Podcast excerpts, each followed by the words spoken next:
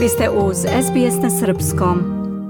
U januaru je Svetska zdravstvena organizacija lansirala molbu za 2,5 milijardi dolara kako bi obnovila svoj fond za hitne situacije. Taj novac je bio očajnički potreban u sledećim mesecima zbog zemljotresa u Turskoj i Siriji, kada je stradalo hiljade ljudi i kada su se mnogi drugi našli u teškoj situaciji.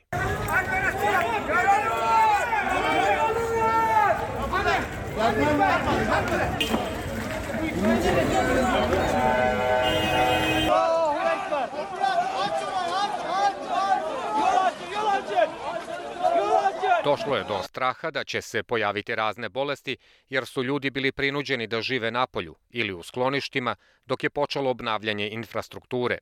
Zamenik direktora Kancelarije za humanitarna pitanja Gada El Tahir Mudavi je rekao da je situacija u Siriji bila naročito nesigurna zbog sankcije koje su postavljene tokom trajanja građanskog rata. As we've seen that 20% of over 600 communities Kao što smo videli, 20% od preko 600 zajednica koje smo procenili nemaju pristupa zdravstvenoj nezi u ovom trenutku. Zimski uslovi su veoma visoki. Kolera već postoji preko 47.000 slučajeva, a takođe nema pristupa kvalitetnoj vodi za piće. Zdravstveni sistem je preplavljen. Kasnije u godini, slična noćna mora je počela da se razvija u Gazi. Izrael je imao nameru da eliminiše Hamas nakon što je ova militantna grupa izvršila napade 7. oktobra. Bolnice u Gazi kao što je glavni centar Al-Shifah, su bile mete napada izraelske vojske. Oni su navodili da je Hamas unutra krio oružje i taoce, tvrdnje koje je Hamas negirao. Organizacije za pomoć su izvestile da je bolnički sistem pred kolapsom, dok je hiljade raseljenih ljudi u njima tražilo sklonište, a manjak goriva i hrane je doveo medicinske usluge do granice. Britansko-palestinski hirurg, dr. Gasan Abu Sita, koji je proveo sedmice radeći za doktore bez granica u gradu Gaza, kaže da se težina ovog slučaja i uticaja osetila kod žena i dece. During the, my time at Shifa Hospital, it became apparent that Tokom mog vremena rada u bolnici Šifa postalo je očito da će 40 do 45 procenata svih ranjenih biti deca, da je primarna meta bombardovanja civilne zgrade i da smo dobijali iz svakog napada bombardovanja pacijente iz raznih generacija i iz istih porodica. Uticaj na zdravstvene usluge se čak osetio i u obližnjem Libanu. Direktor bolnice, Marđajun dr. Munes Klakeš, kaže da je njegova ustanova bila jedna od desetine u Libanu koje su se već mučile da funkcionišu u mirnodopskom periodu zbog ekonomskog kolapsa države u 2019. godini. The fear is definitely there, but this is our destiny. Our job is to be here and to keep ali ovo je going, naša sudbina. depending on our Naš posao je da capabilities and budemo what is ovde i da available to nastavimo us. sa radom, And u hopefully the zavisnosti situation na naše won't get sposobnosti i šta nam je pristupačno i nadamo se da situacija neće postati gora. Osim rata, još jedna velika stvar koja podgreva probleme u zdravlju su klimatske promene. Svetska zdravstvena organizacija je izvestila o pojavi infekcija malarijom zbog humanitarne krize, povećanja temperature, povećanje vlažnosti i povećanih padavina. Direktor globalnog programa malarije pri Svetskoj zdravstvenoj organizaciji, dr. Daniel Ngamije, kaže da je bilo potrebno više financija za prevenciju i tretman. Given current trends, continuing with the status quo with Zbog only leaders trenutnih trendova. Nastavljanje sa statusom quo bi nas dodatno odvelo sa puta. Moramo da 2022 povećamo financije. Samo u global 2022. godini je bilo manjka u globalnim financijama za 3,7 malariju od US 3,7 milijardi američkih dolara. Zdravstveni stručnjaci su ponovili svoje zabrinutosti svetskim liderima u Dubaju na COP28 samitu. Rekli su okupljenima da je već došlo do četvorostrukog povećanja u smrtnim slučajevima povezanim sa vrućinom zbog klimatskih promena i da očekuju da će milioni drugih ljudi biti negativno pogođeni. Kanadski doktor Jesuit Gilbert kaže da malo ljudi razume da je klimatska kriza takođe i zdravstvena kriza. It affects uh, you with air pollution, of course. That's what people mind think of uh, right away. So your lungs, but also your Utiče na vas kroz system, zagađenje vazduha. Naravno, to je ono što možda ljudi odmah pomisle.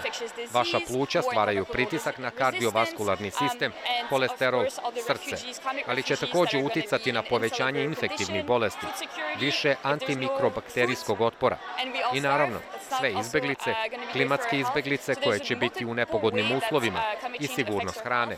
Ako nema hrane i mi svi izgladnjujemo, takođe neće biti dobro za um, naše zdravlje. uh, there's, Tako da uh, postoje mnogi načini na koje klimatske promene uh, utiču na naše zdravlje u fizičkom i mentalnom pogledu. Postoji klimatska anksioznost, a takođe je tu i mentalni efekat. Na primer, biti žrtva prirodnih katastrofa. Umeđu vremenu, Novi Zeland se našao u vestima prošle godine zbog svoje šokantne odluke da odbije zakone protiv pušenja. Prodaja cigareta u Novom Zelandu za bilo koga rođenog nakon 2008. godine je trebala da bude zabranjena ove godine u pokušaju da se odvrate mladi ljudi od pušenja.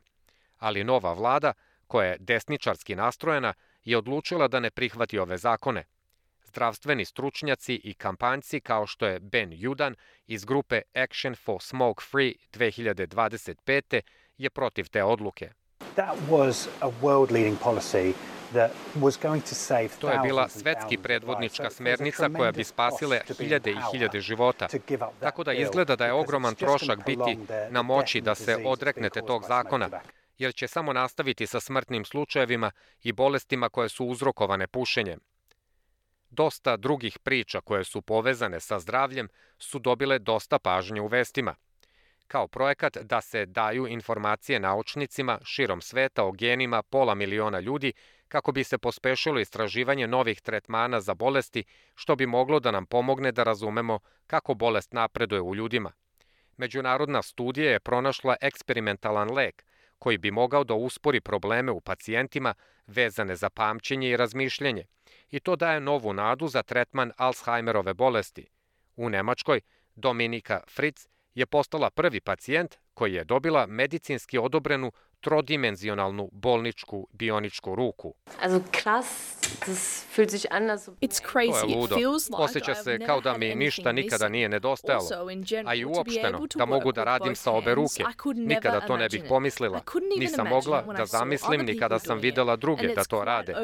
Preplavljena sam osjećajem krass. ali neke priče nisu dospele u javnost. Među njima su problemi sa kojima se transpolni ljudi suočavaju u Sjedinjenim američkim državama pri pristupu zdravstvenoj i nezi starijih ljudi. Novi talas novih državnih zakona je prošle godine stupio na snagu i ograničava prava transpolnih ljudi širom države. U Floridi zakon je otežao ljudima kao što je 57-godišnja Andrea Montanjez da koristi hormonsku terapiju. Ali Michael Adams iz organizacije SAGE za podršku je rekao da postoji zabrinutost o spremnosti staračkih domova i zdravstvenih ustanova da ispune potrebe transpolnih starijih ljudi. Um, Među izazovima koje vidimo, um, sa kojima se suočavaju transpolni stariji ljudi i starije osobe su diskriminacija um, i manjak pristupa zdravstvenoj nezi i uslugama za starije. Um, Mi vidimo diskriminaciju na visokom nivou, pri stanovanju. in Vidimo housing, više nivoa see širma, siromaštva, više nivoa higher zdravstvenih izazova i challenges zdravstvenih stanja. conditions. Sve to stvara veću All of potrebu za which podrškom, creates a greater uslugama need i negom. for supports, services and care. Želite da čujete još priča poput ove? Slušajte nas na Apple Podcast, Google Podcast, Spotify ili odakle god slušate podcast.